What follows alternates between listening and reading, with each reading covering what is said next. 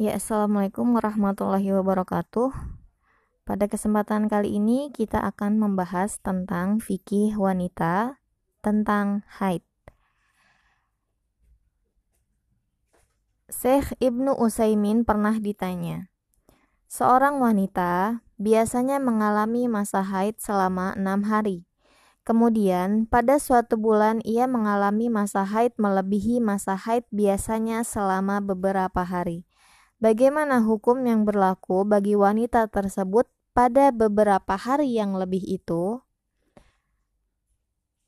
Jawaban dari Ibnu Utsaimin adalah jika masa haid seorang wanita biasanya selama enam hari, kemudian pada suatu bulan tertentu memanjang hingga sembilan atau sepuluh hari, maka hukum haid tetap berlaku pada dirinya, yaitu meninggalkan sholat hingga haid itu berhenti.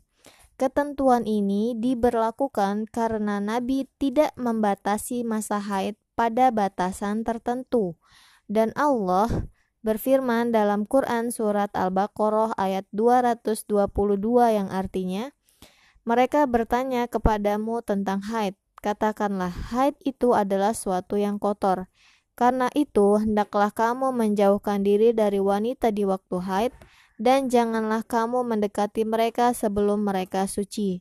Apabila mereka telah suci, maka campurilah mereka itu di tempat yang diperintahkan Allah kepadamu. Sesungguhnya Allah menyukai orang-orang yang bertaubat dan menyukai orang-orang yang mensucikan diri. Maka, selama seorang wanita masih mengeluarkan darah haid, berarti dia tetap dikenakan hukum haid hingga berhenti darah haid itu, lalu dia mandi, bersuci, dan melaksanakan sholat. Dan jika pada bulan berikutnya ia mengalami masa haid kurang dari biasanya, maka ia harus segera mandi. Jika telah selesai haidnya, kendati pun masa haidnya tersebut tidak selama masa haid sebelumnya.